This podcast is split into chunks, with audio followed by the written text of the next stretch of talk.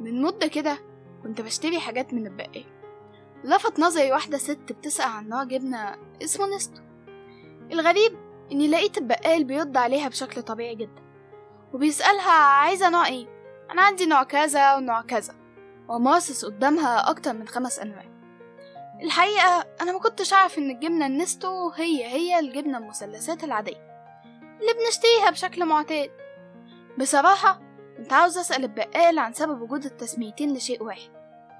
بس خجلي انتصر وقررت أجل الإجابة لحد ما أرجع البيت. وفي البيت بابا وماما قالوا لي ببساطة إن زمان في السبعينيات كان في شركة مصرية من الشركات القومية أنتجت لأول مرة في مصر الجبنة مثلثات وسمتها نستو. قالوا لي كمان إن طعمها كان مش بطال وإن العلبة ما كانتش تمن قطع كالمعتاد. وإنما كانت ست قطع. يعني القطعة كانت أكبر. وهنا نطت أسئلة كتيرة في دماغي.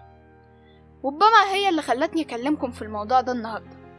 السؤال المهم فيها هو إحنا ليه لسه محتفظين بالتسمية دي لحد دلوقتي؟ بالرغم إن الماركة دي ما عادتش موجودة أصلا هل هو نوع من الحنين للماضي؟ ولا وفاء لقيمة الريادة في عمل منتج مصري خالص؟ وهنا بيجي السؤال الأهم. طب لما إحنا عندنا حنين كده للماضي أو حتى وفاء الريادة طب ما حافظناش ليه على جبنتنا النستو وشجعناها؟ عشان تبقى ماركة منافسة وقوية.